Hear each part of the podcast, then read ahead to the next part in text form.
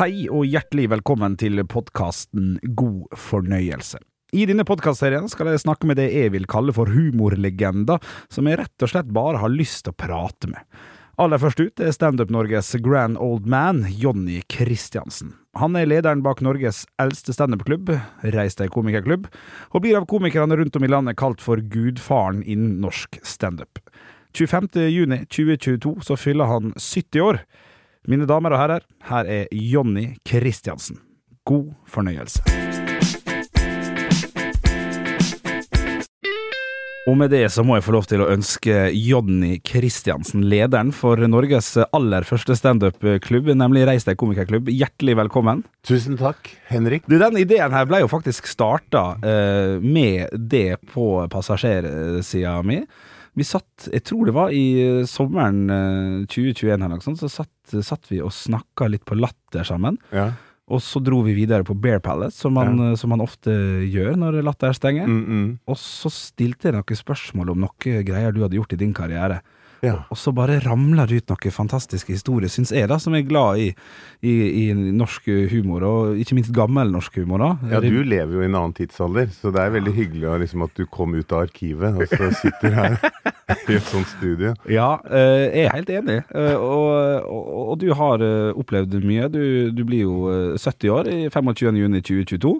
Ja, det er fantastisk, og det er jo selvfølgelig en gave, og den gaven skal man ikke være likegyldig til. Nei. Det er faktisk helt, eh, helt sant. Men vi, vi må starte helt på, eh, på begynnelsen for å gjøre lytteren litt kjent med det, Jonny. Eh, Jonny Kristiansen, eh, ifølge Wikipedia, som jo, eller internett, da, som, Ja, eh, som gjør det letteste liksom, å, å, Hva er det som dukker opp der aller først? Hva er liksom beskrivelsen av den personen jeg googla? Ja. Der står det eh, Jonny Kristiansen, født 1952 i Oslo, er en norsk komiker, snekker og konferansier. Ja vel. Så jeg sy- syns vi skal starte på den snekkeren først, jeg. Eh, Og snekkeren, jeg trodde du sa snakkeren, jeg. Så tenkte jeg i stedet for nikkeren, og så ble det snakkeren, og så ble det Ikke sant. Ok, snekkeren, ja. ikke sant? Ja, k eh, for jeg også vet jo så vidt at du har en fortid som, eh, som snekker. Ja, heldigvis. Eh, Jeg er veldig glad for det, fordi det å kunne gjøre noe med hendene og bygge og, og lage et hus, et møbel, innredning, er jo en gave, det også. Altså, jeg har fått så mange gaver i livet, har jeg funnet ut. Ja. Eh, Men eh, det som er fint, er jo Jeg jobbet mye med barn og ungdom først, og så var jeg veldig opptatt av det. Og så ble jeg, begynte jeg på eh, snekkerlinja, så jeg tok møbelsnekkerfaget. Så jeg tok svennebrev og mesterbrevet der, og så begynte jeg å bygge hus og loftsleiligheter, og Ja. hadde liksom 13 år i snekkerbransjen, da. Og samtidig som det, som jeg holdt på med det, så var jeg selvfølgelig opptatt av humor. Mm. Mm, mm. Og når du uh, Men så slutta du jo som snekker på et tidspunkt. Ja, men det var jo selvfølgelig fordi det var eh, Det kom en finanskrise i Norge. Eh, litt sånn i 90 90-tallet, og da var jo jeg midt oppi det. Og så hadde jeg snekkerbelte foran og skulle ut på jobb, og så var det ingen jobber der ute. Og så tenkte jeg hva gjør jeg nå? Um, jeg har barn, jeg har en kone, jeg må finansiere livet. Em, jeg blir komiker. Ja, det er ikke det er vanntett plan. Ja, det var, og alle syntes jo det var dritkult. Og fy fader, Jonny, det er hyggelig at du har lyst til å bli komiker, men det går ikke. Altså, altså Folk var veldig omsorgsfulle og tenkte det, det er fint at du tenker det, Jonny, men det går ikke. Hvor gammel var du da, når du bestemte deg for å snu på flisa? Slutten av 30-årene, begynnelsen av 40-årene. Mm, Ja, riktig. mm. Så jeg, heldigvis hadde jeg levd et liv før det, og jeg har fått vært med på en god reise før det. Og i den tiden før jeg etablerte meg for å bestemte meg for å bli komiker, så hadde jeg også jobbet mye med eh, skolerevy, teateroppsetninger, reklamefilm. Altså, så jeg hadde vært liksom inni det. Ja. Mm. Men det var snekker du livnær til som i 13 år, før Ja. du tok eh, ordentlig steget til scenen. Hvordan, hvor- hvordan var det når du da er ja, Jeg kunne sagt relativt ukjent, men da var du jo helt ukjent. Ja, det var jo det var helt ukjent. Altså, jeg håper vennene mine husket meg. Også, du tenker på standup, eller tenker du på meg? Nei, jeg tenkte på når du gikk til scenen, hvordan, hvordan var det? For da gikk du jo fra relativt eh, vanlig inntekt, som kommer eh, på fast 15. hver måned. Ja, men det var jo en veldig sånn brytningstid da i, i norsk eh, historie, på en måte, og det med monopol og NRK-monopol og alt det ble opphevet i den tiden. Ja. Så det kom jo masse nærradioer, og det kom Du kunne få kabel-TV, så hele det monopolet ble oppløst, og så kom jo TV 2. Og så kom det jo masse nye muligheter for frilansere, og det kom masse nye produksjonsselskaper, det kom sitcom, det kom masse mange tilbud som, hvor det kom nye arbeidsplasser inn. Mm. Og der så jeg faktisk en mulighet, eller det var andre som så meg og så at han her kan vi bruke i en eller annen setting hvor humor er aktuelt, da. For jeg var en ganske ut, utadvendt, litt gal, eh, merkelig mann som turte å gjøre veldig mye rart. Og det fascinerte jo omgivelsene, merket jeg. Så humoren ble jo en måte en form for sånn hvor jeg fikk bekreftelser. Jeg fikk gjøre akkurat det jeg ville. Folk likte det, og så tenkte jeg så fantastisk. Ja. Og så er det noen i et produksjonsselskap som ser meg, og så sier de deg vil vi prøve foran et publikum. Vi trenger deg til å varme opp et publikum. Vi trenger deg til å skape glede i et studio. Vi trenger deg til å skape entusiasme. Og så tenkte jeg Og så får jeg penger for det. Ja. ja, det er jo helt fantastisk. Ja, for du har jo eh, blant annet uh, vært uh, ganske fast publikumsoppvarmer for et av mine favoritt-TV-show uh, og sitcom ja, i Norge, Mot i brøstet.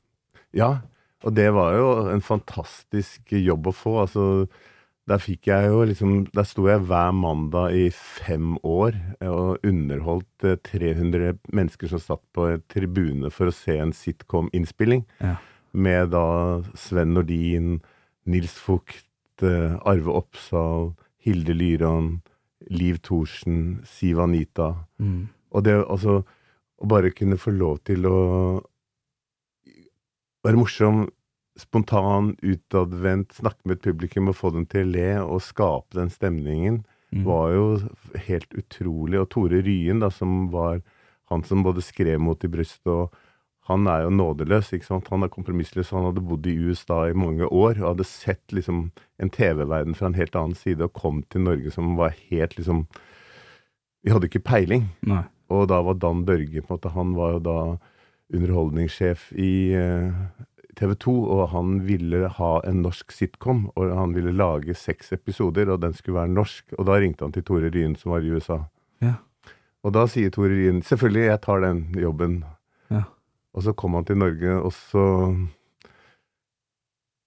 Da var jo også Ikke sant? Og da hadde jo TV 2 hadde et underskudd på noen 130 millioner. Ja, ja, ja. Den er grei. Og så kommer Tore Ryen inn og skal liksom endre helt, altså hele sitcom-verden, og så gjør han det på en måte. Det ble jo mer sett enn OL-sendingene fra Lillehammer i 1994. ikke sant? Altså, Ja, det var det er én million mennesker som så på. 800 000, 900 000. Altså det var jo en inntektskilde Ja. uten sidestykke. Og, og din jobb da som publikumsoppvarmer, bare for å gjøre det tydelig, det er jo at du står og, og, forbereder publikum på at du, da skal vi kose oss, så skal vi le, eh, klappe for de som har lyst til det. Og, Jo, men ikke sant? Altså, det var jo mer enn det. Altså, det var ikke bare praktisk. Altså, Tore Rien hadde vært sett at det viktigste for å få en bra opplevelse av en innspilling av en sitcom, Mm. så må du på en måte ha et publikum som slapper av, føler seg trygge, har et naturlig forhold til Scenesal scene, sal, og blir sett. Og, så, og når du har et publikum i USA, de sto i køen utenfor studio, så gikk det jo folk og snakket med dem, varmet opp. Så folk følte seg trygge, de følte seg godt mottatt. De følte seg liksom sett. Mm. Og så kommer de inn der, og så står det en fyr som heter Jonny, som da står og gestikulerer morsomt, snakker med dem og får i gang masse latter. Og når da innspillinger skjer, så er publikum så varme. De er, de er mottakelige for alt. Så Ja. det var jo en sånn Han skjønte hvor viktig det var å ha et varmt og inkluderende publikum. Ja. Og det er jo og det er den viktigste satsingen. Altså jeg husker skuespillerne, de sto bare bak kulissene og var sånn Jøss, hva er det han Altså, de, hvorfor, hvorfor får han så mye latter? Hvorfor får han så mye applaus? Altså, jeg følte at det var en litt form for sånn misunnelse. Det er jo oss vi skal se på. Ja, ja, ja. Ikke sant? Jeg husker Sven Nordin skrev en sånn takk til meg. Så skrev han 'Tusen takk, Jonny, for at jeg fikk lov å ha et pauseprogram i, inn i forbindelse med din underholdning'. Ja, det er jo eh, tillits, eh, ikke tillitserklæring, men det er i hvert fall en eh, meget hyggelig tilbakemelding. Ja, Ja. ja, ja, så jeg husker også Wenche Foss liksom sto i kulissene der og var helt overrasket over at det var en mann som fikk så mye applaus, og hun ikke sto der. Og hun lurte liksom hvordan var det mulig? Ja. Men, men var du, var, var du, eh, kom du rett inn i det? For det ble jo spilt inn tidlig på 90-tallet. Ja da, jeg kom eh, veldig tidlig inn i det. Jeg, kanskje de, Noen av de første episodene var jeg kanskje ikke med, men Og så var jeg med også over i Carl Co. Du var det, ja? også, og så var jeg i Radio 2. ja. Og så, så jeg var jo med på Altså, jeg spilte Varma opp for Askeladden, 200-programmet, Casanova, altså Mandagsklubben, Torsdagsklubben Altså, jeg bare løp fra sted til sted og underholdt publikum. Og, og de bare De lo, og jeg fikk prate, jeg fikk eh, formidlet min humor, min absurde humor, ikke sant. Og det Ja. var sånn Nei, det var en fantastisk tid, da. Ja så, så de gikk altså fra Mot i brøstet med Arve Oppsal, Liv Thorsen, som da er Elna, Mm, mm, mm. og, også til, og det, det siste, noe av det siste du gjorde, var da Torsdagsklubben, da, med Thomas Giertsen, Otto, Otto Jespersen og Silje Stang? Ja. Ja. Var det siste Og nei, publikum? nei, jeg gjorde det med Otto Jesper. Ja, eh, på smug og sånn. Ja, ja. Mm, mm, mm. Hva var eh, grunnen til at du slutta med publikumsoppvarming? Nei, det var jo litt uh, honorarer, da. Mm. Altså, jeg så jo på at jeg kunne gjøre andre ting, leve av det. Ja. Så jeg ble jo spurt flere ganger, men jeg kanskje prisa meg ut. Men det er jo selvfølgelig mitt valg. Mm. Så, så, så må man liksom aldri undervurdere noen i et type studio. Altså, det er jo Hvis du ikke har det apparatet rundt deg, alle personlighetene, alle teknikerne, alle Altså hele administrasjonen. Det er jo på en måte et team alt sammen, og alle disse funksjonene er så viktige, så man må hele tiden gi hverandre bekreftelse på at uten deg så hadde ikke dette gått bra. Mm. Og jeg følte at jeg ble veldig godt sånn ivaretatt, og folk skjønte hvilken rolle jeg hadde, og betydningen for at selve programmet og innspillingen og opplevelsen ble bra, da. Mm. Hadde du mye med, med skuespillerne å gjøre? Under Mot i eksempel? Arve Ja, ja, ja. Vi ble jo veldig, veldig gode venner. Altså, jeg følte Arve Oppsal han hver gang vi, altså vi snakket masse sammen, og han var også veldig interessert i standup, og han lurte på denne nye humoren og var veldig skeptisk og veldig skeptisk til det. Og, liksom, og han prøvde å liksom å Er ikke det noe jeg har drevet med hele livet? Så kommer dere og kaller dere de nye komikerne. Så det, det ble en liten sånn Kommer dere for å overta? Ja. Og, men så stilte jo Arve Oppsal opp, og han var jo den første prisutdeleren uh, i forbindelse med Ståprisen. Uh, som han okay. ga prisen til Jon Skau. ja, riktig. Mm. Så da var Arve Oppsal prisutdeler, og så var da Bård og Harald Var de da prisutdelere? Var det år, Nei, det var året etter, ja. Ja, Mhm. riktig. Så Ja, Arve ok. Oppsal var den første prisutdeleren. Og så var han mye på Lille, det stedet vi hadde i Bygda Allé. Mm, så kom han også ned dit for å se og forske på den nye sjangeren. Okay. Og det syns jeg var veldig sånn beundringsverdig, med et litt sånn kritisk blikk, da. Ja.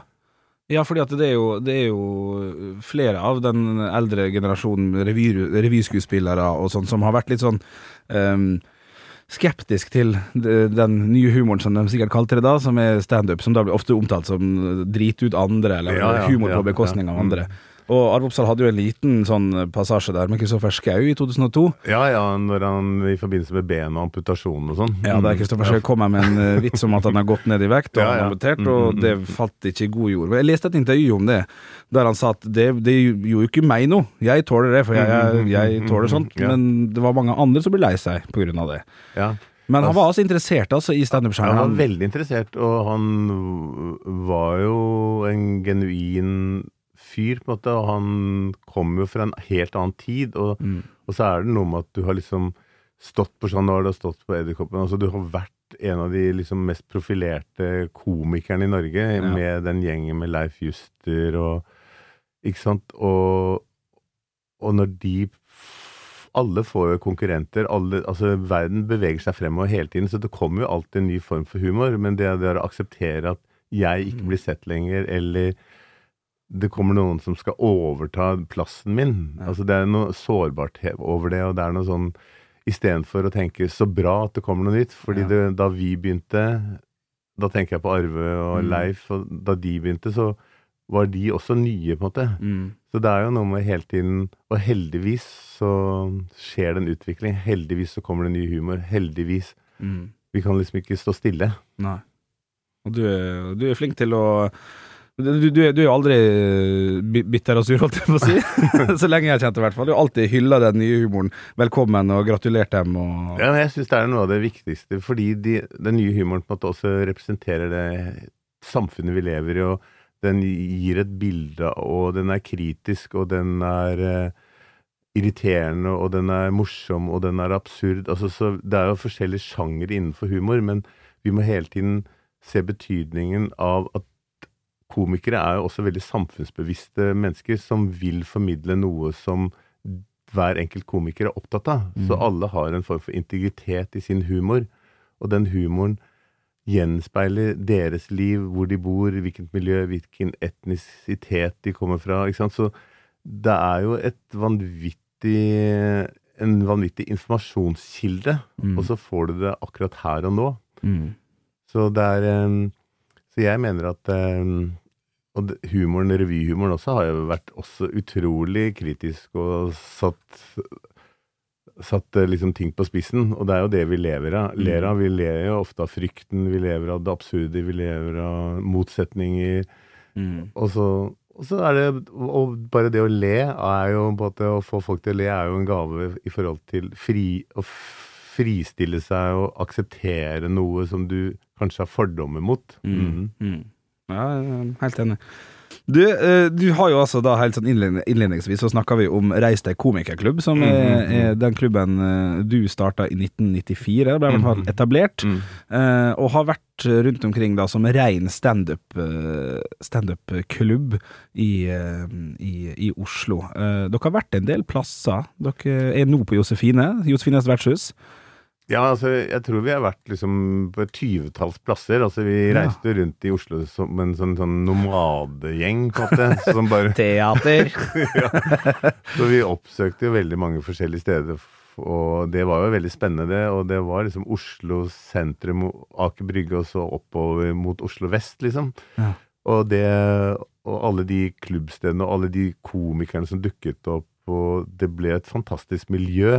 Ja. Og og i 1994 så var vi vel bare seks stykker. Og så skulle vi ha pressekonferanse, vi hadde med en tepose og to kopper og en noe viskelær og blyant. Og så inviterte vi pressekonferanse på SAS-hotellet, og så dukket TV 2-nyhetene opp, NRK-nyhetene og Altså alt som var av media, bare dukket opp Ja. for å høre hva denne nye sjangeren var, og hva det innebar. Fordi vi hadde tydeligvis en veldig sånn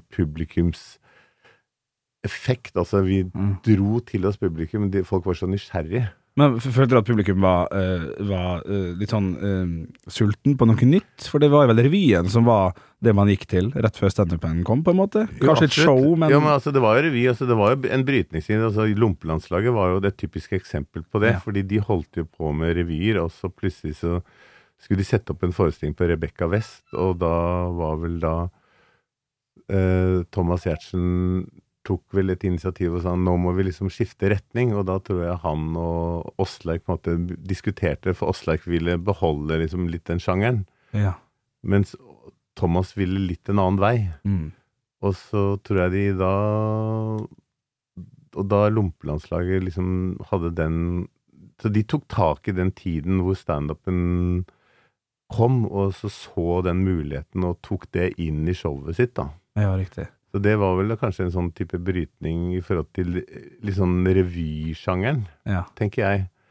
Fordi det hadde jo Og så var jo Jon Skau på en måte Hadde jo mange soloshow på Rebekka West som var fulle hus. Fisk eller mann, blant Fisk annet. eller mann, ja. Ja. Og ja, han hadde flere Han hadde tre show som var bare fullsatte av publikum. Ja. Men han også spilte karakterer. Steinar, blant en, ja, en fyr som het Steinar, som var en litt sånn merkelig Ja, litt sånn Ja, hva skal jeg si? Sånn litt absurd eh, Litt utafor seg selv. Hadde veldig mye rare tanker i hodet og uttrykte det på en veldig merkelig og Mm. morsom måte. Men så så vi Steinar noen år senere, og det liksom Da skjønte ikke publikum rollen. Så Steinar, altså karakteren til Jon Skau, mm -hmm. sto også på standup-scena og, Ja. og hadde standup, på en måte? Ja, så det også, ikke sant, I den brytningstiden så visste vi ikke helt hva standup var, så vi kom jo der som karakterer, og vi begynte å synge, og vi gjøgla, og noen kom inn på scenen med liksom jakke og bare sto der, en som het Kenneth Dean, og bare sto der og så bare så på publikum, og bare, og så sier han jeg føler at det er noe jeg har glemt i dag, og så står han uten bukse og står helt naken, ikke sant. Og så, og så var det Sturla Berg sto der og hadde sine sanger, og Ja. så kom Are Kalve inn, og så var det ja, Jon Skau, og så var det Rigmor Galtung som hadde Gro-skikkelsen, og så Ja. var det Ma eh, Maja Løvland som også på en måte gjorde sine ting, og, så, og Eddie Eidsvåg, ikke sant. Så alle Da bare samlet vi, fordi det vi ønsket var å skape noe nytt, og så kom det masse forskjellige folk fra forskjellige typer sjangere og møttes for å skape noe, og da hadde jo også Kasta i brønnen gått i Sverige. Det, Hva var det? det var jo en standup eh, på, På TV? på TV. ja. Ja. Litt sånn ja, det, for til NRK hadde jo en sånn der uh, Ja, Grip ordet komiker. Grip ordet komiker. Ligger ble- på YouTube for øvrig. Ja, en ikke del sant? av, Som ble eh, produsert av Erling Bonde i å samarbeide med da Suck Norway, som også på en måte var et utspring fra Reistad komikerklubb. da. Og det er Standup Club Norway. Ja, ja, ja Stand Up Club Norway, ikke sant. Så Og da lagde vi Og det ble spilt inn på Christian Kvart, da. Og det var jo liksom Da kom plutselig standupen ut til folket, ikke sant. Da plutselig satt man hjemme og så på standup fra Christian Kvart. Riktig. Og den var kanskje ganske viktig, den? Den var eh, veldig viktig den tiden, for da plutselig oppdaget folk det. Og så var det jo Da hadde man liksom hørt om fenomenet, men da plutselig ble det litt allmannseie, da. Ja. Så den produksjonen der var jo veldig viktig for standupen. Jeg har sett noen bilder derfra der alle sitter og røyker inne. Publikummere, altså. Ja, ja, men altså røyk, altså. Ja, det, det var Det er helt utrolig. Jeg husker vi satt nede i Hadde standup på Lille i Bygdøy nede i kjelleren der. Altså, det var liksom 120 stappfullt, ordentlig standup-klubb. Ja. Og folk satt og røyka, og du så nesten ikke publikum. Altså, det var helt vilt. Så kanskje Dagfinn Høybråten hadde, hatt noe å eh, tror, melde altså, vi, vi liker jo ikke at noen skal være formyndere, og, men uh, jeg tror det var et veldig, veldig bra Ja. helsegrep for veldig, veldig mange mennesker. Ja. Og, og det er jo viktig på en måte for mitt vedkommende også tenke. Altså, det er jo mange skjebner på en måte også i humorens verden i forhold til um, rusproblematikk, alkohol. Mm. Ikke sant? Altså, det er masse fristelser, og så er det et utrolig press på hver og enkelt person. Du skal innfri, du skal få folk til å le. Mm. Og, og så er du ofte alene om det, på en måte. Så det er jo en veldig sånn press på en enkeltperson, og så tyr du til da kanskje noe sånn stimulerende for å liksom slappe av, Mm. mens det blir jo helt feil. Ja, og så er det vel noe, noe hvis man skal dra den litt lenger med at man fikk jo også gjerne eh, cash betalt i gamle dager. Ja, ja, ja. Og hvis du har gjort en veldig veldig god jobb, og det er Mm, mm, kok i mm, salen, og det er vanskelig å gå hjem og legge seg med noe- en bok med tusenlapper da, vil jeg tro, da. Ja, ikke sant? Og du er veldig oppe, og du, er, du har fått masse penger i lomma, og liksom det er masse venner, og folk beundrer deg, og du er litt helt, og Ja. folk syns det er kult at du har stått på en scene, og så det, du, du er litt sånn popstjerne for en kveld, og så kan det gå ordentlig nedoverbakke dagen etterpå, eller Mm. på neste show. Så du må ivareta de gode øyeblikkene når du får den oppmerksomheten, suksessen. Ja. Så kos deg med den og nyt den, men så må du nullstille deg, og så må du tenke og forberede deg og, til neste show, fordi du kan aldri bare satse på at det går bra. Nei. Du må Viljen er jo så utrolig viktig her. Viljen til å gjøre det, viljen og lysten til å gjøre det. Ja. Du kan ha verdens beste talent, men talentet kan ofte ødelegge hele, liksom, hele karrieren din fordi du tror det er så lett. Ja. Og det også får man være på, på noe som jeg har lurt på, som sikkert er vanskelig for deg å svare på, eh, men du har jo sett du har, du har jo strengt tatt sett alle som har kommet og gått i det gamet som man kaller for standup. Eh, Ja. Mm. Var det noen du så der du med en gang skjønte at ok, han, han her eller hun her, dem kommer til å bli eh, sinnssykt gode, også, som også da er flinke og dyktige? Ja, ja, altså, jeg har absolutt sett det. Og du, Ja, på første øyekast, liksom. Bare, ok, han her eller ja, hun du, her. ser, du, kan ofte, du kan ofte se at noen Å, der er det en person med noen talenter, kvaliteter, noen egenskaper som er unike. Og du ser liksom på hele personlighetens innstilling til eh, det han, hun skal gjøre. Mm. Og du tenker sånn Dette kommer til å gå bra, og det har det gjort da for mange av de du har trodd på. Og samtidig så kan du også bli overrasket, fordi for mitt vedkommende så er det sånn du må ha viljen. altså Uten viljen så hadde ikke jeg vært standup-komiker, tror jeg. ikke Mm. sant? Altså fordi jeg var jo også på en en litt merkelig fyr som var litt utafor boksen i forhold til den kanskje tradisjonelle humoren. Mm. Altså, men jeg stolte og ville ha, fremstå som den og den komikeren. Ja. Og så, og så må du få liksom publikums aksept, og de, de må lære deg å kjenne, og de må skjønne at dette er noe du er så inderlig opptatt av, og dette vil du, og dette har du så utrolig Og da ser publikum plutselig sånn Åh, de lærer seg formen, de lærer Mm. seg uttrykket, og så tar de det til seg. Så det er jo det med noen nye ting som hele tiden er truende, da, ikke sant. Mm.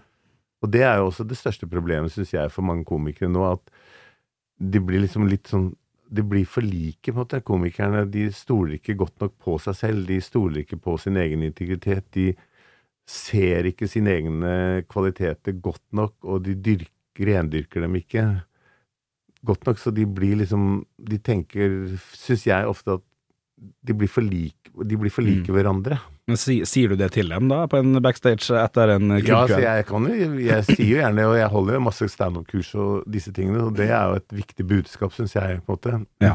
For hvorfor skal du bli husket? Hvorfor skal noen ringe til deg? Hvorfor skal noen le av deg? Hvorfor Blant liksom 200 komikere, ikke sant? Mm. Hvorfor er du så interessant? Hva er, det, hva er din eh, Hva er ditt merkevare, ikke sant? Mm. Har du sett eh, store, store, dyktige talent bare gi seg med det? Nå, eh, har, Ja, du, ja, ja. har, har du noen navn der du tenker sånn Hvorfor slutta du, da? Jeg vet du er ikke så glad i å si navn og sånn, men, men men det er jo en positiv uh, tanke bak det, da. Ja, altså Hvorfor slutta du? Altså det? Du kan ha talent, men så klarer du ikke egentlig å takle det presset. Så det Mm. blir utfordringen. da, ikke sant? At det kan bli en psykisk belastning. Det kan bli Du klarer ikke Du er ikke sterk nok. Så du Mm. trenger jo bare Du trenger mer enn bare den genuine humoren, fordi du må også på en måte ha evnen til å se deg selv som en ressurs. Altså stole på deg selv, selge deg selv. Fortelle omgivelsene at 'jeg er en ålreit fyr', 'jeg er en god komiker'. Altså det Du må bare fortelle omgivelsene at 'dere må stole på meg'. Mm. Du vil ikke komme med noen navn? Nei, jeg har jo sett, jeg har jo sett? Altså, jeg har sett komikere som er talenter på scenen, men så plutselig går de i en annen retning, så plutselig blir de programledere, eller så går Ja, de i TV-studio, mm. hvor de har en annen form for trygghet. da. Og det er jo forståelig, det, for det vil jo, det, jeg vil tippe at en del av de tingene er sikkert litt økonomisk betinga. Eh, at du gjør det fint på standup-scenen, og så får du en godt betalt programlederjobb som kanskje ikke er like utfordrende og like spennende og like eh, applaussette, et ord jeg fant på nå. Mm, Eh, men det er jo vanskelig å takke nei til sånt, da, men du det er kanskje litt tilbake på det du sier med integritet og det å Jo, være genuin. hvem er det som styrer humoren din, og hvem er det som styrer din utvikling som kunstner? Fordi du er en kunstner, ikke sant? Altså, du lever av å stå på en scene og vise et type åndsverk, ikke sant? Mm. Det er jo det du holder på med, og du skal underholde 15, 20, 200, 2000, 5000 mennesker. Mm. Og, og hvis på en måte, økonomien kan ofte ødelegge på en måte det du holder på med, fordi hvis, du, hvis grådigheten på en måte blir for stor, Mm. Så kan du på en måte miste det genuine i din egenskap som komiker, fordi du skal bare tjene penger for å finansiere noe hele tiden, eller betale noe. Digg, digg med stort hus, da, Jan.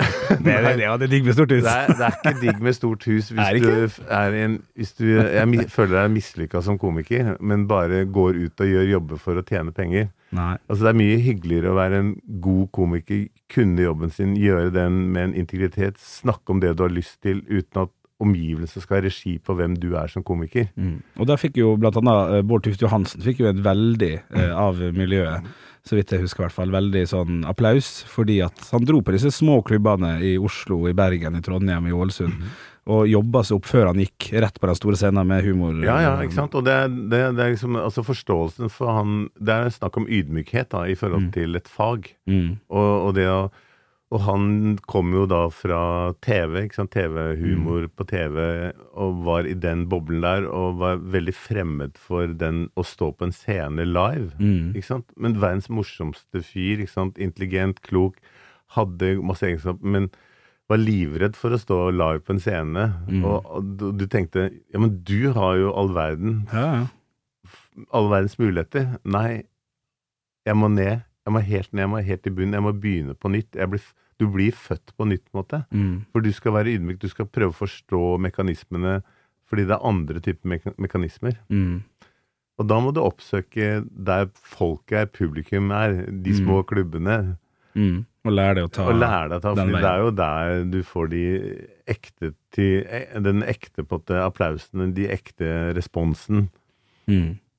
Så jeg tenker at Og så er sant, det er masse komikere som ødelegger livet sitt fordi man ikke er flinke nok til å styre økonomien, håndtere Ikke sant, du kan, du kan stå på scenen, du er morsom, men så har du kanskje ikke et apparat rundt deg som passer godt nok på deg, eller du har ikke tatt tak i det på en annen måte. Du har ikke prøvd å lete etter noen som kan hjelpe deg. Mm. Ja. Og derfor syns jeg en Reistad komikerklubb er en viktig klubb for å ivareta et miljø hvor man kan snakke om disse tingene på tvers av hvilken status du har. Mm. Ja. Syns det er fint sagt, det, Jonny. på, en, eh, på en vanlig sånn uh, standup-kveld, som, jeg- som jeg tror og, og at, at dem som lytter til denne podkasten her, eh, har, har vært på en eller annen gang, så er det jo alltid en konferansier, eller veldig veldig ofte i hvert fall, en konferansier, og så er det tre eller fire komikere, og kanskje med pause imellom. Mm. Du har jo ikke gått på ei eh, norsk standup-scene sikkert på 20 år uten å ha én fast intro-melodi, som er da Marius Müller med 'Den du veit'. Ja. Jeg tror ikke jeg hadde fått det opp hadde jeg spilt noe annet eh, Nei, nei, på den nei. Og det har jeg ofte lurt på, det er et spørsmål jeg aldri har stilt det heller. Er det en grunn For veldig mange andre komikere går på på den låta. Ta godt imot, smekke, smekke, kommer på scenen. Du, du skal ha Marius Müller med 'Den du veit'. Er det en spesiell grunn, grunn for det? Ja, det er fordi jeg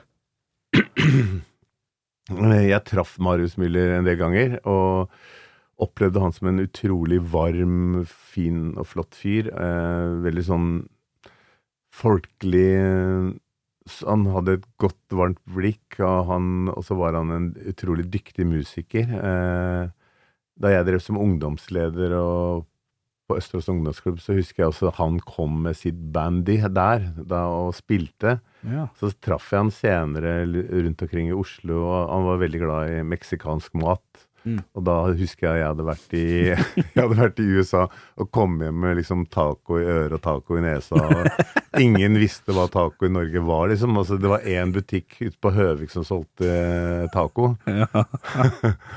og, så da, da bare, og så hadde jeg også vært i USA og spist sushi. Det var i liksom 76, og liksom rå fisk. Ikke sant? Mens men så husker jeg Marius Müller, han elska tek Tex-Mex, eller tex, eh, meksikansk mat. Ja. Og det gjorde jeg òg, så traff vi hverandre på disse typer restaurantene. Ja. Og, og så syns jeg den låten også var så fengende. Den var så Ja, den er så ærlig, levende, godt driv i den, og så er han en vanvittig god gitarist. Mm. Og så døde han i en tragisk Og så Ja, så hadde han en bror som også var såpass sorgfull etter at han hadde mistet broren sin, Marius, at han Nå vet jeg ikke om det er helt Om han tok livet sitt på grunn av sorg, på en måte. Mm. Ja, moren, moren mistet to sønner. Ja. Så det er et minne også om et, et godt menneske, og den, eh, og den gleden på at han ga meg, og veldig mange andre med den låta. Mm. Mm. Så det blir Marius Müller i både 2022 og 2023 også. Ja, og så tenker jeg at så blir det en form for sånn En bekreftelse på en takknemlighet og en kjærlighet til en artist som er der, og så, så ser jeg at den låten lever generasjoner, generasjoner, Ja. generasjoner. Ja. Og det er så fint. Ja, det er sant. Um, Låten er jo faktisk ganske Faktisk en del år gammel. ja. Og den eh, er nok eh, Det synges nok like høyt både på reunion for eh, dem som gikk på skole på 70- og 80-tallet, holdt jeg på å si, som dem som går Så merker jeg det nå når jeg på plutselig går på en scene nå uten den, Mm. og så sitter publikum i salen, så det oppdaget jeg ja, nå på onsdag, så gikk jeg på scenen, og så spilte de ikke Marius mye, og da satt publikum sånn Hva skjer? Men da jeg Da hadde jeg bestemt meg for at jeg ikke skulle ha den, og at jeg skulle være en annerledes Johnny på scenen. Ok, fortell. Det er fordi at eh, man prøver et nytt stoff. Ja. Og så går man så er det så veldig lett å gå inn i den der trygghetssonen og Ja. gjøre det man kan, og det man hele tiden er trygg på. Mm. Men så må jeg på en måte også ha noen scener hvor jeg kan utfordre meg selv og tørre å, gå ned, være mer filosofisk, tørre å ta lengre strekk, snakke på en annen måte, Mm. henvende meg til publikum for å kjenne på den følelsen om hvordan det er. Ja. Og samtidig på en måte hele tiden være obs på at eh, det er humoren og Jeg er ute etter og latteren, men på en annen måte. Og ved å gjøre det så forsker jeg, og da lærer jeg nye grep, tenker nytt og utvikler meg selv, da. Fordi det tenker jeg er Hvis jeg skal stå på en scene, har stått på en scene over 30 år, så må jeg på en måte fornye meg. Mm. Kan, ellers hadde jeg ikke stått der. Jeg tror ikke folk hadde ønsket meg velkommen. Mm. Mener, du, gikk jo, du har alltid gått med den røde skjorta di òg, men den er lenge siden jeg har sett. Når du er konferansier på Josefine, eksempel, så har du alltid den store røde Johnny-skjorta. Ja, altså det også For meg så er det litt sånn type Jeg må ta noe valg, for jeg må merkevarebygge meg. på at jeg, Ja. Apropos det å bli husket, bli sett, få bekreftelser. ikke sant? Alle mennesker i hele verden ønsker bekreftelser på at de gjør noe meningsfylt for den jobben de holder på med. Mm. Det er liksom viktigere faktisk enn lønna, og det er viktigere enn ferie. Altså, vi er mer opptatt av at vi skal bli oppfattet som betydningsfulle. Mm. Og for meg så er det også et sånt viktig valg å Når jeg går på jobben, så går jeg ut av en rolle, så går jeg inn i en rolle, selv om jeg ser akkurat lik ut. Men jeg skifter alltid klær for å fortelle meg selv at jeg skal på jobb. Mm. Jeg gjør noen oppvarmingsøvelser, jeg tar på meg den røde skjorta. Jeg har sett på Marius Müller, Ja. ikke sant? Da er du i gang. da er du i gang. Ja, riktig. Så Men så var det i 94, når vi begynte med standup, så var det jo Det var et år hvor alt skjedde, ikke sant. Altså, det var jo ja, Norge sa nei til EU, det var fotball-VM, det var OL i Lillehammer, Mm. og standupen kom til Norge. Mm. Det var ehm, Ja, Nelson Mandela kom vel da. Folkemordet i Rwanda. Mm. Men snakker vi om de tingene, liksom? Altså, Mm. hva er det vi husker, og hva er det vi tar med oss? Mm. Vi må ikke glemme at det har vært mye altså, Tragedien på en måte også er jo også ofte årsaken til at humoren er så viktig. Mm. Fordi den hjelper oss gjennom ting. Mm. Den gir oss et eh, tro på noe. Den gir oss muligheten for å komme videre. Der har jeg hørt en historie uh, om den eh, natta Benjamin Hermansen ble drept. Mm, Så skulle det være en standup-kveld der du var konferansier, stemmer ikke det? Jo, det var Ja, altså han Ja, det husker jeg veldig godt. eh.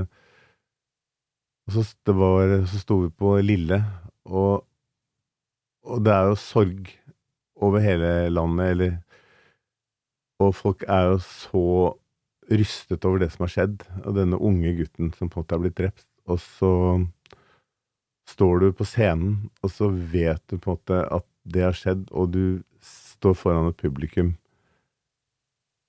Og så tenker du, hva skal jeg gjøre nå? Mm. Um, de har kommet på en standup-klubb for å slappe av, for å kunne le, kanskje for å flykte unna noe. Og samtidig så sitter alle med den kanskje sorgen. Så det første jeg tenkte på da, var å bare begynne å snakke om det tragiske. Mm. Og for å snakke om at dette har vi opplevd sammen, og dette må vi aldri glemme, og dette må vi hele tiden huske på at dette skal vi ikke akseptere. Mm. Men vi må videre. Vi må alltid videre. Mm. Uten at vi tror på fremtiden, så skjer det ingenting. Mm. Og, og så satt vi der, og så bare minnet Hadde vi en liten sånn kort minnestund, sånn. Og så begynte vi på nytt, og så startet vi kvelden. Mm. Men da var, følte jeg at liksom da du Alle var enige om det, og vi Ja. hadde, var rolige, vi, og vi alle skjønte at vi skulle videre. Og, men vi satt jo selvfølgelig med sorgen, men samtidig så skulle vi nå ut og frigjøre oss, liksom. Mm. Få, få lov til å le, få lov å gå videre. Mm. Mm. Men riktig. Eh, Standup-sjangeren er jo eh, veldig populær, og det dukker jo opp flere og flere scener eh, nå enn det gjorde for fem år siden, og, og alt sånt. Både i store og små eh, byer. Eh, hvis jeg ber deg om å, om å se inn i spåkula di, Jonny, mm, mhm. som du har med Du tok med spåkula, sant? Ja, absolutt. Ja, veldig bra. Eh, hvordan, hvordan vil standup-sjangeren se ut framover? Du kan jo egentlig ta oss litt tilbake til hvordan han var når du begynte, hvordan han var for ti år siden, og hvordan han er nå, og hvordan han blir framover. Nei, altså det, vi begynte jo, Da var det jo bare én klubb, og så vokste og vokste det. eh, Og så håpet vi på at vi skulle liksom i løpet av et par år dekke hele Norge med masse standup-klubber. Det var intensjonen. Det var tanken. Ja, ikke sant? Ok, lage institusjoner overalt. Ja, ikke sant? Altså, ja, riktig. Ja. Ja. Som har- Egon, på en måte? Ja, Ja. ja, bare for å gi, gi, gi et bilde her, da. Ja, det var veldig sånn fascinerende bilde. liksom... Men det, det er folkelig. Og standupen er jo folkelig, og den er jo også Ja. Litt harry, på en måte. Ikke sant? Altså, mm. men jeg tenker at standupen også er litt sånn et svar på countrymusikken. Ok. Fordi standupen snakker om de folkelige tingene. Den snakker om det vi, som berører oss inni oss. Det snakker om det, det Vi er oppriktige, og vi er ærlige, føler jeg. Mm, absolutt. Så det er noe fint ved det. Og og framover. ekte. Og fremover eh, Ja, altså det er jo bare Det er kanskje ganske likt. Jeg vet ikke. Hva tenker du er likt? Nei, at, at nei, som du sier, da, det, det folkelige, folkelig, det er gjenkjennelse. Det er det som vil overleve, da. Noen vil bli større, noen vil falle fra, men Ja. selve standup som sjanger vil være ganske u... u ikke ulik, hva heter det? Uforandra.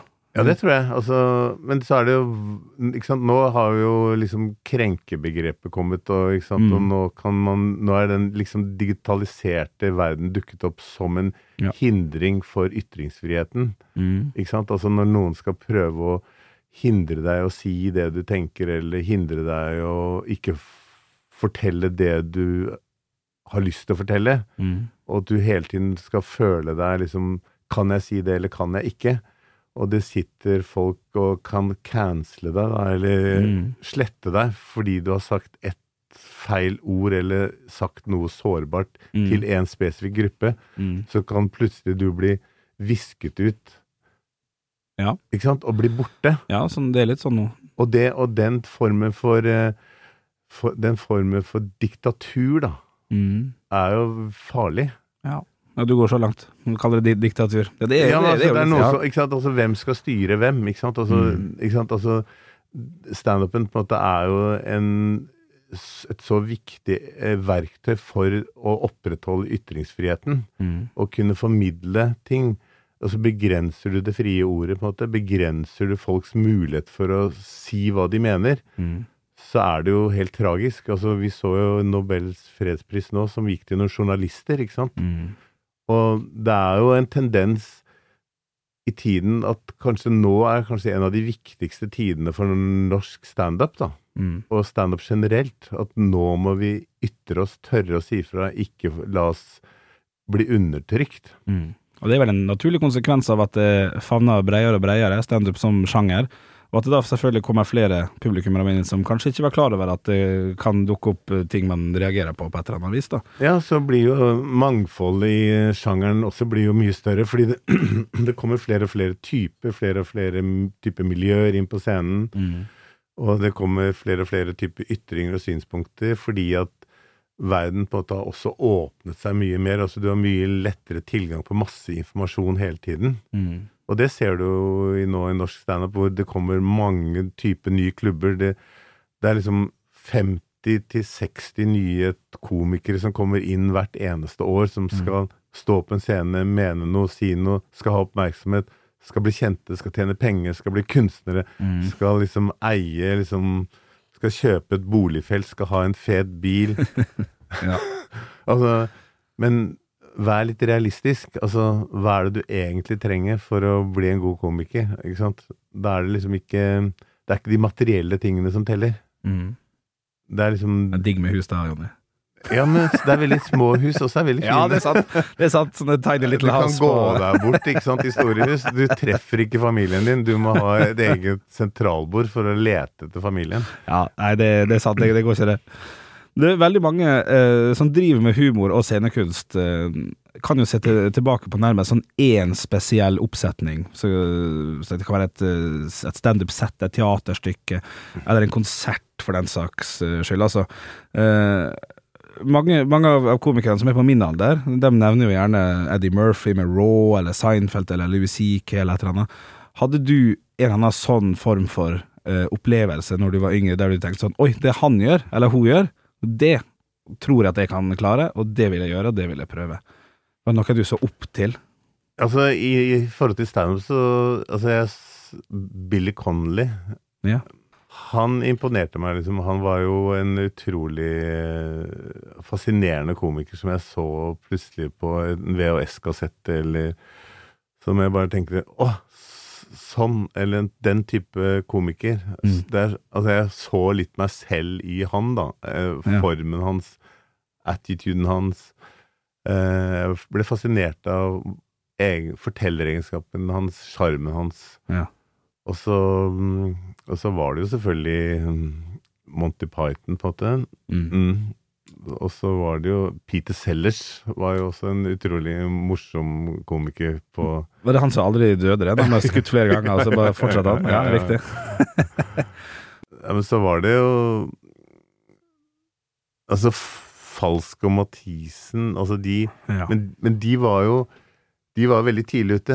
Men jeg var ikke så fascinert av dem. Det var litt sånn en type humor som jeg strevde litt med. ja.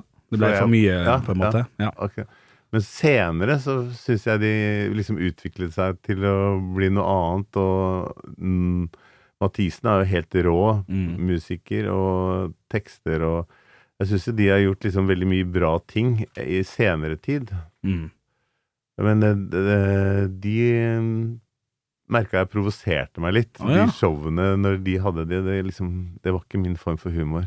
Fordi at det ikke var noe hjertesmerte, eller? Nei, det, det var liksom Det var så vulgært, og de var Ja. så ærlige, de var så direkte, og de kasta ting på publikum. Altså, Ja. det ble liksom så veldig sånn Det var så mye galskap og Men samtidig, så når jeg ser det tilbake på det, så er jo Så turte de å gjøre noe som sjokkerte, da. Ja. Ikke sant? Og de, de hadde jo sin menighet, og det ble jo stappfulle hus hver gang. Ja. Men så har jeg blitt kjent med de liksom senere i mitt liv, og det er nydelige folk, og fine folk, og morsomme folk. ja. Men akkurat der og da så ble det Ja, litt for mye med å kaste ting. 80-tallet, ikke sant? Altså, Ja. De var der 88 og sånn, tenker jeg. Ja, riktig. Det var jo lenge før din tid. ja. Men ikke sant, men ikke sant, jeg gikk jo på Jeg gikk i 73-74, så gikk jeg på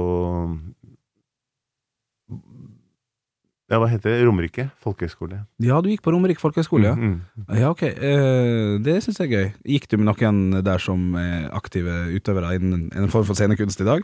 Eh, egentlig ikke. Nei? Du er eneste? Nei, altså det er noen som har drevet med teater og satt opp ting, og, men ikke noen sånne veldig sånn type profilerte folk, nei. Nei. Men de er profilerte i sine lokalmiljøer. Ja, Jeg følte at det var en litt sånn, litt sånn spesiell gjeng som gikk det året. Eh, Jeg følte at de hadde dratt inn en, en gjeng med på teater- og musikklinjen som var litt, skulle være litt eldre. Ok. Hvor Men, gammel var du? Nei, skal vi se, det var i Over 20 da? 73. 74.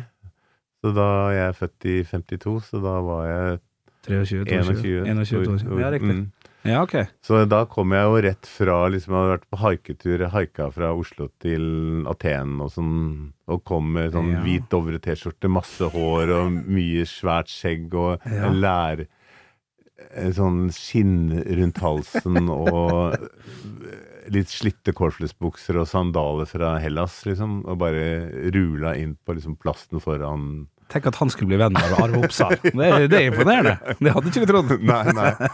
nei, men det er utrolig hvordan verden ikke sant? Altså, Du må være åpen for å ta imot, ikke sant? Ikke blokkere, men hele tiden være åpen for å ta imot nye inntrykk og oppsøke nye miljøer. Være nysgjerrig på mennesker, være nysgjerrig på miljøet. Ikke sant? Det gir jo også et mangfold i forhold til humoren og forståelse av uh, hvorfor ting er som de er. Og så kjenner du på dine egne fordommer og din egen, din egen frykt. da. Ja. Mm. Men ville du bli skuespiller? Var det det som var baktanken med å gå på Romerike? Nei, altså jeg likte jo å stå på scenen, for jeg hadde jo stått på teater eh, ikke sant, Teateroppsetning på videregående og revy og spilt masse der. For jeg, jeg følte at humoren ga meg en form for beskyttelse, fordi at jeg faktisk Jeg var ikke noe god på skolen. Ok. Ikke sant? Og så, og så fikk, ble humoren på en måte en form for sånn et sted jeg fikk eh, aksept. Der fant jeg på en måte min, min nisje, hvor jeg fikk eh, bekreftelser. Mm. Ja. Og så gikk jeg liksom helt lett etter de hele veien, og så ble jeg på en måte også en person som som folk puttet der, og så eh, var jeg veldig glad i mennesker, opptatt av mennesker, eh, var opptatt av rettferdighet, og hadde, og min mor er engelsk, og jeg hadde, har engelsk i Jeg er jo egentlig fullblods engelsk, har jeg funnet ut i senere tid. Ja, Du er det, ja? Ja. Ja. Og, og så heter du Johnny. Jeg heter egentlig John. Du, vet du hva, det gjør du. Du Ja. heter John. John heter jeg. Ja, men hva, hva er grunnen til at du bytta til, til Johnny? Det er jo Nei, det var fordi moren min eh, var engelsk og sto på verandaen og ropte John! John! Og da var det ingen som hørte, men så ropte hun sånn Johnny! Johnny! Johnny da, Boy, ja. Da Johnny Boy! Og da Johnny Poo! Og da kom Johnny løpende. Ok. Så i passet ditt da, så står det Jon Der Kristiansen. står det Jon. Med H, eller med bare N? J-O-H-N, Ja, det er H, ja. Mm, Ja, det er såpass mm, flott. mm. Ja, ok. Men så er jeg på en så, så i senere tid så har jeg funnet ut at min biologiske far er engelsk, da. Riktig. Seinere tid, betyr det relativt ny, nylig, eller? Nei, jeg fikk vite det da jeg var 35. Ja, ok. Ja, det er jo ganske voksent. Mm, mm, mm. Så det er jo også litt så spennende i livet, liksom at du Ja. ikke helt vet hvem du er før du er ganske voksen. Var det, var det nok som falt på plass når du fant Ja, det? Ja, det er veldig fint, fordi uh, man får en forståelse av ikke sant, hvorfor man er som man er. Eh, og apropos det å finne retninger i livet, så sant, når du har en mor som kommer til Norge etter krigen, kan ikke norsk, skal brødfø en liten familie, har bodd i Paris, gått med rød leppestift, hatt høye hæler og presentert liksom diplomatiet der nede, og så kommer liksom til en liten bygd utenfor Oslo hvor det er fire mennesker. Hvilke, hvor er du fra? Hva bygd du? Det er Bærum. Ja, Det er Eiksmarka. Mm. Ja, okay. ok. Så kommer hun inn, og så Ja, eh, jeg kan ikke norsk, så må- jeg må brødføs. Så da hadde vi liksom engelske nannyer, og så Ja. Og så får du plutselig vite at eh, Og så traff jeg ofte en fyr i London sammen med mammaen min som het Jack. Mhm. Som jeg kalte for eh, Jack London. Jack London. Og han var en nydelig fyr, flott fyr som jeg likte veldig godt, og han ga meg mye kjærlighet. Så Ja. han traff jeg alltid liksom på Trafalgar Square hver jul. Ja. Men så viste det seg at han Jack viste seg å være min biologiske far, da. Nei, Mm. ok. Mm. Men fikk du vite det der og da? Når det fikk jeg ikke enda senere i livet mitt. Enda senere i livet. Mm, Oi, oi, oi. Så man lurer på liksom hvorfor blir man komiker? Ja. oi, shit. Ja, det må jo ha vært litt av et inntrykk. Ja, Men du- samtidig så er man jo sånn utrolig takknemlig på at, at det valget som de gjorde, endte med denne herlige fyren her. Ja, det er jeg helt enig i. Jeg er veldig glad for det. ikke sant? Det er jo noe med å verdsette istedenfor å liksom gå ned i kjelleren og bli deprimert og trist. Ikke sant? Altså, jeg fikk faktisk livet mitt, på en måte. Ja. Mm. Og, det, ikke sant? Altså, og det å prøve å forstå liksom, utgangspunktet i livet sitt, altså, apropos det å bli komiker, eller hva er, hva er alle disse steinene på en måte, som bygger deg, setter deg sammen og gir deg på en måte de egenskapene du har? Mm. Fikk du vite det eh, etter han var gått bort? At det Ja. var Ok. Mm. Men jeg kjente han da, på en Du- måte, men samtidig så var det, er det litt vondt å vite at jeg hadde lyst til å bli enda mer kjent med han. Ja, Mm. ja det skjønner jeg. Mm. Men eh, så, er- så, ikke sant, så han het Belton, ikke sant, så da heter jeg også Jeg kan jo hete nå John Belton. God på scenen, uten Marius Müller, uten rød skjorte, og utforske den nye, den nye humoren. Ja, det er ikke sant, men det er, ikke sant, man har mange muligheter. Man kan alltid velge altså Man kan velge sine navn, og man kan velge, men det er noe sånn Opphavet er jo opphavet, på en måte. Mm. Mm. Men eh, jeg er jo på en måte Johnny. Eh, ikke sant, når de ringer fra De ringte jo fra VG og lurte på hva jeg syns om at eh, Håkon Magnus kalte seg Johnny fra Stovner. Om Ja. jeg det var liksom, Om jeg følte meg liksom misbrukt eller tråkka på, liksom, fordi de, at Johnny fra Stovner liksom var et lite sånn nedsettende. Ja. Så sa jeg nei, det er helt fint, helt greit. eh, Jeg er jo da Jonny fra Drammensveien 1, sa jeg liksom. Ja. ja, det er helt nydelig. Altså det, er, ikke sant? Altså det er mange sånne type relasjoner, assosiasjoner til eh, Du, eh, vi må um, over på uh, Reis deg komikerklubb igjen, Ja, ja. Uh, som nå har vært på Josefine i hvor mange år? Josefines eh, vertshus? Vi begynte der, der i 2008. Uh, 2008, ja. så da har vi vært der snart i tolv år. ja. Ja. Og det betyr jo også da at, eh, at 12-13 år. Ja. Mm. Og, og det betyr jo også at, eh, at det er sikkert der dere kommer til å bli en god stund, for det er jo en fantastisk lokale, rustikt lokale til, eh, til standup og sånn. Eh, dere feirer vel eh, Har hatt festivaler også? En fem, Ja, vi har hatt, ja? Altså, vi har hatt standup-festival.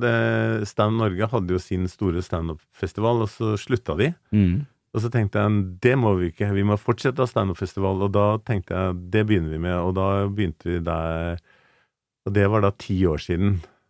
Så det var i ca. Ja. 2011, da. Ja, det kan ha vært noe sånt, ja. 2011. Ja. ja. 2012. Så da begynte vi, og så har det bare nå gått og gått og gått, og det er en fantastisk Altså, det er liksom tre dager, det er stort telt i eplehagen med epletrær, masse Mm. lys, masse mennesker, kjempestemning. Det er liksom 70-90 komikere som Ja. står der over de tre dagene. Jeg har vært oppe og, og, og, Eller jeg har vært der oppe, Mm, og jeg ser jo bare en to meter lang Jonny som bare smiler Ja, ja. og deler ut klemmer og er altså så eh, glad og fornøyd. Det, det, ser ut som at du du, du trives veldig når eh, både den nye komikeren møter den etablerte Jo, komikeren. ikke sant, ikke sant? Det er helt i den derre smeltedigelen, liksom, at her kan alle møtes, og alle kan få lov å være seg selv, og så kan du treffe folk du aldri har truffet, du kan få nye venner, nye relasjoner, du kan treffe kjente komikere, kjente komikere kan treffe de nye unge, Mm. så det blir en sånn Apropos folkehøyskole. altså det er Den derre stemningen hvor alle går i ullsokker og er inne hele tiden. og ikke vil Altså, det er Festival er Det er jo noe unikt over den uh, stemmen. Man senker skuldrene. Man, det er litt som et, som et karneval. Man øh, slipper alt og er litt fri. Mm. Mm. Ja, det er helt fantastisk stemning, og det er ikke så altfor mange plasser med, med den stemninga der, der alle dukker opp. Nei, og så kommer de liksom fra hele Norge, og man møtes og og man fester, og man finner kanskje kjærligheten for livet sitt, eller man Mm. finner nye, gode kollegaer, venner, man utvikler sosiale nye nettverk. Man får et nettverk og kan kanskje besøke en annen by, så det er jo et det er jo noe flott og fint over sånne plasser, og det er, det er, det er så viktig på en måte å ikke liksom lage de der skottene hvor liksom du er mer verdt enn deg, og du må tiden, vi må hele tiden ta vare på hverandre på en måte, og se hverandres gode egenskaper. Mm. Det er så utrolig viktig. Altså? Du kan jo tenke deg en 18-åring på en måte som blir født, eller han er jo født når han er 18, men altså, til du er 18 så får du liksom sant, 200 000 negative tilbakemeldinger mm. før du blir 18. Ikke sant? Mhm. Altså, du kan ikke, du må ikke, du skal ikke, og så skal du ut i verden og tro på deg sjøl. Ja. Altså, det vi må gi hverandre, er jo bare gode tilbakemeldinger. Det er så, det er så enkelt, det er så lett. Ja. Og det representerer en festival, føler jeg. Ja. Og så der også deler vi jo også ut Ståprisen, ikke sant, som Mm. er bransjens egen sånn type standup-pris. Mm. Stå-opp-pris på norsk. Men Den er jo litt unik eh, sånn sett med tanke på Komiprisen som ble lagt ned for noen år siden. Der er det jo en jury som eh, Ja. bestemmer hvem som vinner, men her er det jo faktisk komikerne sjøl som stemmer på de fire nominerte fra en jury, da. Ja, ikke sant? Men har da vitterlig noe å si på hvem som eh, stikker om den prisen? Absolutt. Og det er jo en sånn veldig hyggelig for komikere å få en bekreftelse fra sitt eget miljø. Mm. Og den prisen også har jo nå liksom vart fra 19... ble delt ut først i 1996. Altså det var Jon som fikk. Mm. Men nå har dere feira tiårsjubileum for festival. Dere har eh, holdt på siden 1994. Det neste som ligger rundt hjørnet, er vel et 30-årsjubileum, da? Ja, 30. Det er kanskje litt tidlig å begynne å planlegge det, selvfølgelig, men eh, Nei, det tror jeg ikke. Altså, det første, vi lagde jo en blekke, liksom. Den første blekka vi lagde, var Nei. jo liksom Se her har du med 1994 til 1999. Nei, men gud a meg, har du sittet med den hele tida? Ja, ja. Kan jeg få se på den? Mm, mm. Det her er altså da en Ja, det er blekke, rett og slett. eh, Med Standup-historien de fem første Hæ? årene. Og så har du standup-historien Nei, ti gud. Altså Og så har du standup-historien Nei, men hva er dette her for noe? Er dette her til privat eh, bruk, eller er det Ja, det ble delt ut til komikerne. Eh, vi trykket opp et opplag. Nei, men dette her er jo historien. Nå sitter jeg altså med en blå eh, A4-blekke foran meg, med sikkert Hvor mange sider? 70, kanskje? Nok i den, du. Ja. Med masse tekst. Hvis du ser innholdsfortegnelsen der, så ser du hvor mange steder vi begynte de fem første årene. Ja, se her, ja. Ok, så, så vi kan Altså, Teatro, Webster, Sakken, Jacobs uh, Aals Barekafé, Nordrock, Baronen, Felix Kafé Cruise, Mikrobryggeriet, Dan Torell, Gossip, Freddys Onkel Blå, Lille. Og det her er jo bare de fem første åra. Det er de fem første årene. Dere skifta jo annenhver altså, hver tredje måned, dere. Ja, ja. Vi var nomader. Vi reiste rundt med tomannstelt, og nå er vi sånn svært uh, partytelt, da. For nå er det så mange. Og dette er jo helt fantastisk. Men altså, uh, hvorfor bytta dere så ofte plass? Var det, var det ikke liv laga? Nei, altså, de, altså Jeg husker vi var på cruisekafé, og så plutselig så kom det Det var jo sånn country rockeklubb i Oslo på Aker Brygge. Og så plutselig så sto vi der som komikere, så trodde vi at uh, det var så jævlig mye publikum, og det var litt sånn eh, litt rockabilly-fyr, og tenkte jøss, hvem er det vi appellerer til? Og så viste det seg at de kom ikke for å se på stand de skulle se på Hellbillies som skulle spille etter oss. ja. ja, ok. For det var vel litt sånn i starten, der man ble kasta litt inn som et slags oppvarmersegment, eller noe sånt? Ja, ja, ja. ja. Og så Og det var eh, Altså var det Scenene var jo også veldig rare. ikke sant? Altså Du kunne stå bak et hjørne nedi en, bak en søyle. ikke sant? Altså, Ja. altså Ting var ikke helt tilrettelagt, så du måtte prøve å finne liksom disse gode løsningene med uh, miksebord, lydmann, lys. Men det var en fantastisk pionertid. Du ser jo alle de komikerne Ja, ja. som kom i den tida der. Jeg husker jeg fikk stå på, eh, på en standup-scene en gang der det sto på eventen på Facebook at eh, jo da, kampen blir vist, men bare uten lyd. Ja, ja. Da var det Rosenborg mot Stabæk på Onkel Blå i Bærum. Og dem skulle ikke se på eh, Henrik Bjørnson i det hele tatt. De skulle se kamp, dem. Men det er jo Mm. litt godt å ha vært gjennom sånne ting òg, for man, eh, det er bra med litt utfordringer der man får føle litt på at her må det pinadø jobbes litt for å prøve å få folk til å ikke se på eh, Se på den kampen som endte 0-0, for øvrig. Men det får være greit. Nei, Men her ligger det jo masse historie. Det er jo helt fantastisk. Uh, Ja, så ble det også skrevet en mer. hovedfagsoppgave om norsk standup fra 2002. 100 sider om norsk standup. Og dette her er jo da selvfølgelig av Maja Løvland. Ja, og vi, det er jo min kjære, da. Riktig. Og vi traff hverandre av standupen, og vi har to flotte barn sammen. Dere traff hverandre på standupen? For jeg ser jo her fra den første blekka jeg fikk med det her, eh, RDKs historie 1994 til 1999, der er jo bilde av Maja Løvland på Nordrock, blant annet. Ja, da hun sto. Hun sto 20 ganger, og det var det var skrekkelig forferdelig, og så, og så begynte hun å forske så hun ble det akademiske alibiet for norsk standup. Ja, Så hun var den som kommenterte alt og gikk inn i diskusjoner i TV og debatter og forsvarte standup-komikeren og, for, og fortalte betydningen og viktigheten og kom med liksom det akademiske dybdeperspektivet, da. Men gjorde hun standup for å kunne forske på det, eller bare endte det med at eh, det her er ikke noe for meg, men jeg syns det er spennende? Nei, hun ville forske på det og prøve det for å se, men eh, hun, det var for nerv... Altså, det, det tok for mye Hun ble tappet for energi. Hun Ja. klarte liksom ikke Men hun, hun spilte jo masse skuespill og var en god skuespiller, og var jo med i Syv søstre og sånn. Ja, ja. Mm, mm. Det var jo eh, Jeg har jo full kontroll på, på henne også. Det hun spilte jo da kjæresten til Geir Morstad, var det vel? Var ikke det? Som var i Frelsesarmé, Ja, ja, ja. eh, for dem som eh, drar kjensel på, på Det er noen år siden, det.